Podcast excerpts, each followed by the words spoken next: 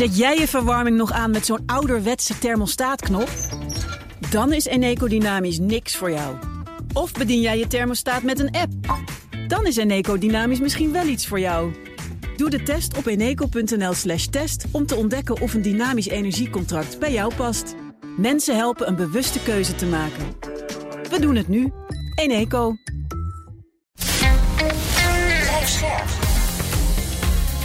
BNR Nieuwsradio. Boekenstein en de Wijk. Hugo Reitsma. Dit is een extra uitzending van Boekenstein en de Wijk in verband met de oorlog in Oekraïne en de crisis met Rusland. Het is woensdag, dag 287 van de invasie. Arjan, de situatie op de grond. Nou, er is nu min 5 graden in de Donbass. Dat betekent dus dat uh, al die vrachtwagens die vastzaten in de modder kunnen weer rijden. Hm. En in Lugansk, dat is het noordelijke deel van de Donbass, is ja. dat dus weer gebeurd. En twee kleine stadjes, Kremina en Ivatova, die zijn, liggen onder Oekraïns vuur. En daar hebben ze, schijnen ze ook succes te hebben. Mm -hmm. Nou, dat is wel belangrijk, want als dit zou lukken, dan zou dat dus een, een versterking en vergroting zijn van het beroemde septemberoffensief in het noorden, wat we ons nog goed herinneren. Hè? Huh? En dan zou de weg naar de Russische grens open liggen. En wat ook heel belangrijk is, zou dan controle hebben op de wegen die leiden naar die plaatsjes Severodonetsk en Lysychansk, waar we ja. zo ontzettend veel over gesproken Die ze die Oekraïne van de zomer heeft moeten opgeven. Ja. ja. Dus het is toch niet gek voor de Oekraïne, deze ontwikkeling, lijkt me. Nou ja, het is wel heel bijzonder wat je nu zegt, hè, dat dus de weg open ligt naar... Uh, de, uh, naar, uh, naar Rusland zelf. We hebben gisteren, eergisteren gezien dat er drones zijn gelanceerd op doelwitten diep in Rusland.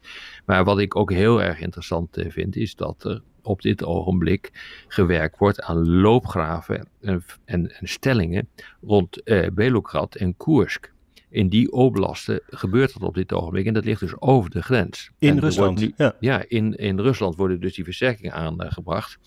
En uh, daarbij wordt dus uh, geroepen van, uh, ja, nee, we zijn ongelooflijk bang dat Oekraïne ons gaat aanvallen. Nou, er is geen enkele reden op dit ogenblik voor om dat te, te bedenken. Ik zou het Oekraïne ook niet aan, aanraden, omdat hm. als je dat gaat doen, uh, ja, dat, dat red je nooit met grondtroepen. Daar heb je gewoon veel te weinig uh, grondtroepen uh, voor. Dus ik zou zeggen, ga nou eerst maar eens een keer je eigen land terug veroveren.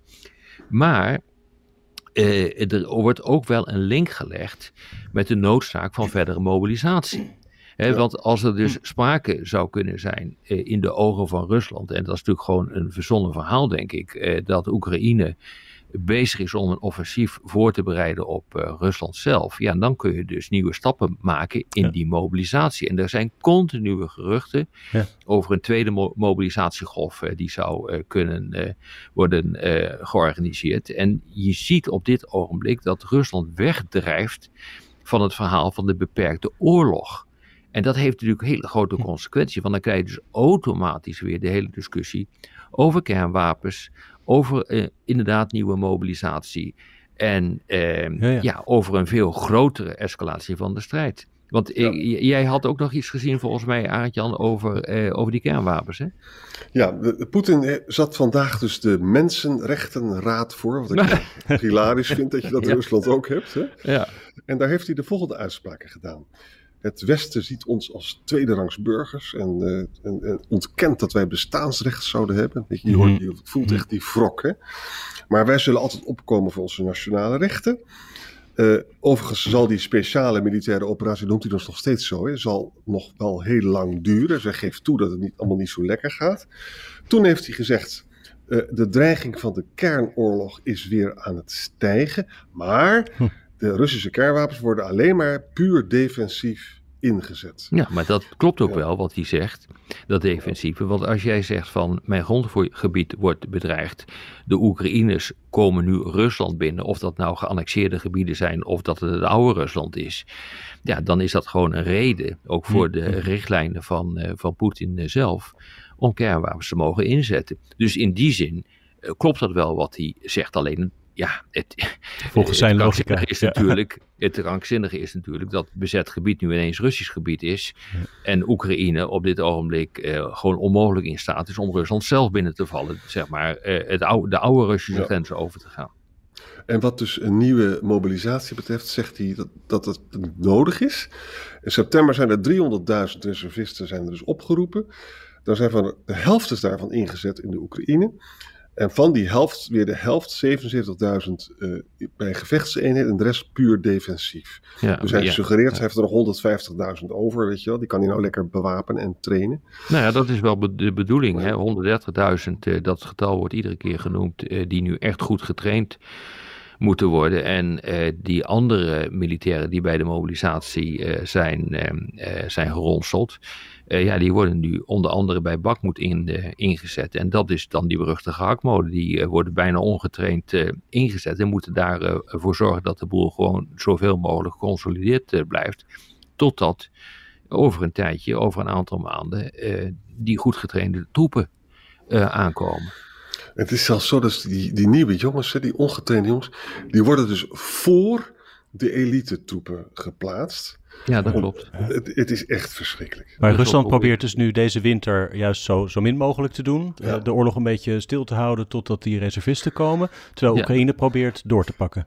Ja. ja, logisch. En omdat het nu uh, begint te vriezen, kan je met zwaar materieel weer over de grond uh, rijden. Hm. Ja, dus uh, ja, dat is wat je aan het doen bent op dit ogenblik. En ik geef Oekraïne geen ongelijk.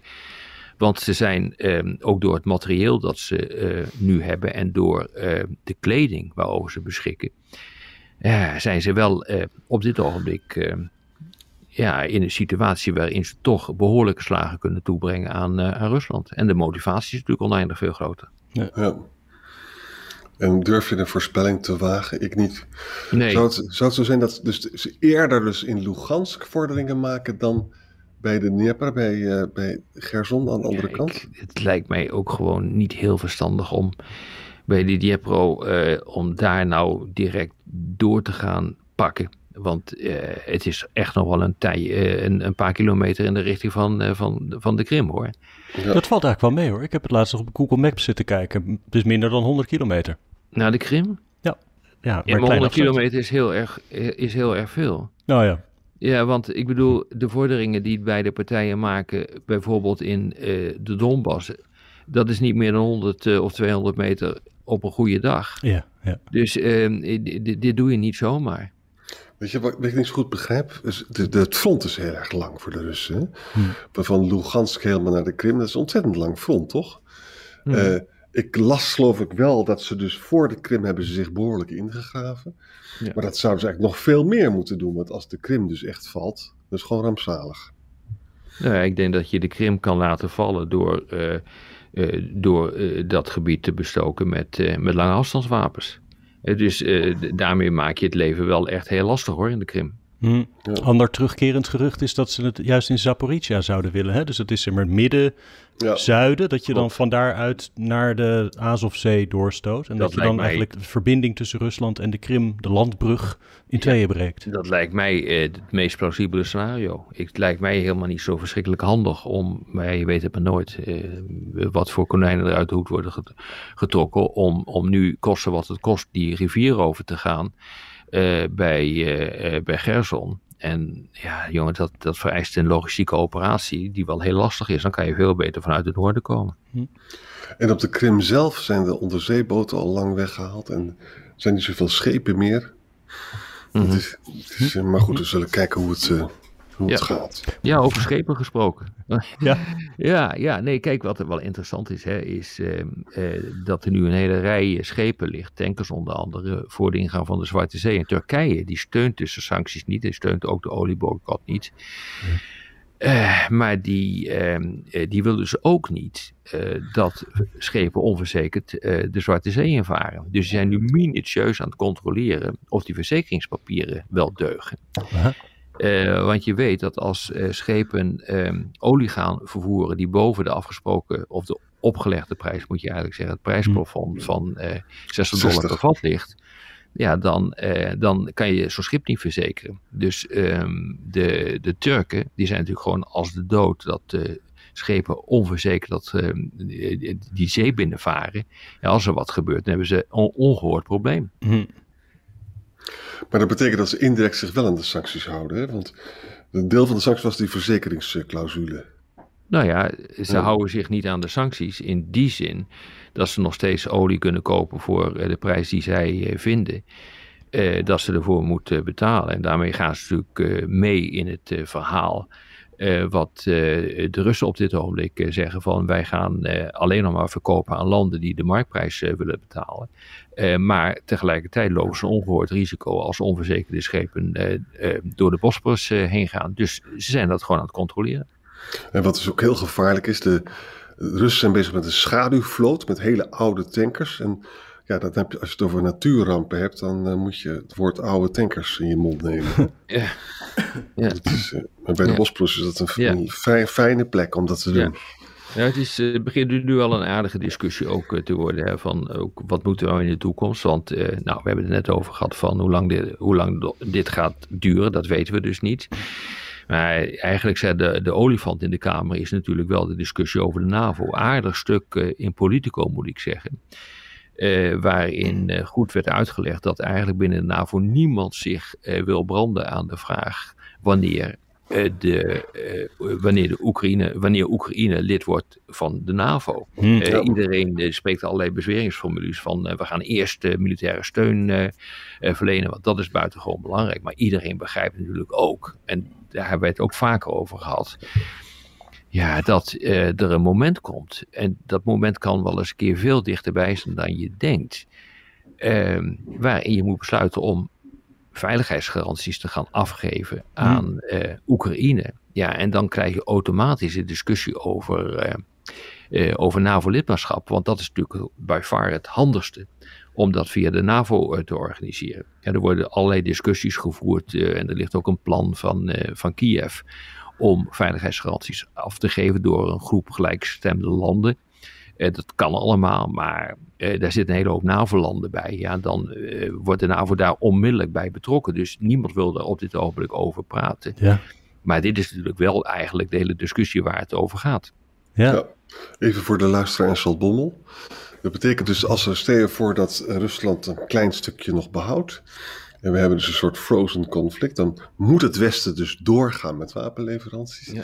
En dan spreek je dus ook over veiligheidsgaranties. En waarom zou je dan niet het land ook gelijk lid maken? van de NAVO. Dat is eigenlijk ja, de gedachte. Hè? Ja, dat is natuurlijk wat het is. Ja. Maar dat betekent dus dat als Poetin dan, dan daarna nog een keer aanvalt, dan is het echt meteen oorlog tussen Rusland en de NAVO. Ja. Het, is een, het, is een, afschrikkingsmaatregel waarvan je hoopt dus dat hij het een tweede keer wel uit zijn hoofd laat. Ja. En overigens, mocht hij dus nog maar een klein stukje over hebben, straks gesteld dat het zou gebeuren, dan heeft hij ook een smadelijke militaire nederlaag geleden. Ja, op alle punten heeft hij dan een nederlaag. Maar ja, wat je dan uh, krijgt is dat je natuurlijk een hoop ressentimenten veroorzaakt in Rusland. En dan ja. wordt uh, de basis voor het volgende conflict gelegd. En dat is denk ik ook waarom Macron heeft gezegd, en daar is enorm voor bekritiseerd. Ja, we zullen ook de veiligheids garanties die Rusland wil in ogenschouw moeten nemen. Omdat uh, Macron niet wil dat er dus een ongehoord probleem begint te ontstaan. Waardoor eigenlijk de, uh, de, de kiem voor de volgende oorlog alweer wordt gelegd. Ja. Nou, we kunnen misschien plechtig beloven dat we Rusland niet zullen aanvallen. Is dat nog een mooie veiligheidsgarantie? dat, dat, dat, dat, hebben we al lang gedaan. Ja, dat, dat, dat, dat, is er al. Dus dat hoeven we niet nog een keer te doen. Waar sommige experts natuurlijk over denken, dat was de deal in het begin hè, van Rusland valt niet aan en verlaat de Donbass in ruil voor neutraliteit van de, van de Oekraïne. Maar waarschijnlijk, dat station is natuurlijk gepasseerd nu, hè? want ja, hmm. een neutraal Oekraïne is voor de volgende oorlog wel heel gevaarlijk. Hè? Zeker. Moeten we nog even terugkomen op die aanvallen op die Russische uh, basis van eergisteren? Want toen we elkaar het laatst spraken, was er nog niet veel duidelijkheid over. Nee. Ja. Toen hebben we even gespeculeerd wat dat zou kunnen zijn. Ik dacht van ja, het zou best wel eens een keer bijvoorbeeld zo'n truck kunnen zijn. Want er was ook een explosie uh, gemeld van een truck. Maar die schijnt uh, uh, geraakt te zijn door of een hele drone of een onderdeel van een drone. Dus we weten nu, uh, Jan die suggereert dat we misschien zijn het wel drones. Nou, dat dat inderdaad klopt. Um, ja, het is ook wel eigenlijk heel opmerkelijk wat voor drones dat dan zijn. Hè? Dat zijn die Tupolev 141 drones. Die zijn in de jaren 70 gemaakt. die zijn opgekalefaten. Dat zijn eigenlijk verkenningsdrones. Dus dat zijn uh, uh, drones die helemaal niet geschikt zijn voor uh, het vervoeren van een lading, een explosieve lading. Maar ja, die, ik, ik, moet, ja, ik moet wel zeggen dat ik wel onder de indruk ben van het vernuft van die, van die Oekraïners. die dan toch weer zijn, in staat zijn om zo'n zo'n echt een letterlijk museumstuk, hè jongens. Want sommige, sommige staan gewoon in het museum. Was gewoon gebruikt. Ik was sowieso verbaasd. Sovjet-drones. Ik dacht dat drones iets van de laatste jaren waren. Nee hoor, dat uh, had je toen ook al. Maar het is, uh, als je ze ziet, het is gewoon een straaljager uit de jaren 50. Althans, hoe ziet hij eruit. Ja. Die vooral heel hard uh, rechtuit kan, kan vliegen. Ja. Nee, maar dat waren dus drones waar camera's in zaten. En waar dan ook rolletjes in zaten nog. Die ontwikkeld moesten worden. Nou ja, dat werk is het dus. Dus die hebben ze nu een beetje opgepimpt en uh, van een nieuw verfje voorzien en wat nieuwe elektronica denk ik erin. En ze hebben daar dus een, een, een explosieve lading ingeprutst. En ze laten het ding gewoon hard één kant op vliegen. En daardoor kan je wat schade aanrichten. Hè? Wat hmm. schade. Ik bedoel, de schade is niet echt indrukwekkend. Ehm, maar het maakt één ding duidelijk. En dat zag je dus ook op die mailblog community. Hè, van, die, eh, van die mensen die onder andere op die Telegram kanalen, de Russen. Die voortdurend uh, lopen te roepen van ja, jullie doen het allemaal niet goed. En ehm, het is een, uh, een crisis in de strategische planning. En moet je nu eens kijken, ook naar aanleiding van die droneaanvallen. Hoe kwetsbaar we eigenlijk zijn. We kunnen dat niet eens tegenhouden, dat soort uh, bejaarde drones. Ja. Nou ja, dat is wel belangrijk hoor. Eh, psychologisch is dit natuurlijk wel echt een grote klap uh, voor het Kremlin dat dit uh, gebeurd is. En psychologisch is een enorme opsteker voor de Oekraïners. En militair stelt het allemaal niet zoveel voor. Interessant is vandaag dat de Amerikanen erop hebben gereageerd, hè? Ja, die zeggen wij moedigen dit soort dingen niet aan, ja. maar, we, verwerpen ze ook niet. Maar wij helpen niet bij dit soort dingen. Ze houden dus heel duidelijk die lijn houden ze vast. Hè? Ja, ja. Uh, herhalen ook dat ze een HIMARS met een bredere lengte, met een grotere rijkwijde ook niet willen leveren. Nou, dat is heel verstandig, denk ik. Ja, ja. en we weten hele, dus ook maar hele stuk in de krant van dat is, dit ding gaat 600 mijl per uur. Hè? Die, ja, 1000 kilometer per uur. Ja. Dat, is, dat is, moet je voorstellen hoe knap. Ze maken er dus eigenlijk een soort cruise missile, maken ze ervan. Ja, dat is het uh, ook, ja. Uh, en, en een range daarvan is dus ook gewoon 1000 uh, kilometer. Ik ja. vind dat wel. Het, we hebben dat heel va vaak gezien, hè, maar de Oekraïners zijn ongelooflijk creatief. Ja, ze zijn heel vernuftig in dit soort dingen. En ze hebben een zestaltal van dit soort drones en vliegtuigen hebben ze uh, weer opgekalefaterd. En die worden dus op dit ogenblik ingezet. Het gaat trouwens ook wel eens mis hoor. Uh, want in maart is zo'n uh, zo'n TU-141 drone, die is afgezwaaid. En die is, in, die is nabij Zagreb terechtgekomen. Hè, dat, ja. was zo'n, dat was zo'n drone. Daar is heeft verder geen schade aangericht. Maar het gaat ook wel ongehoord mis. Ja, hmm. zeker. En dan moeten we gaan praten over Duitsland even. Ja, ja.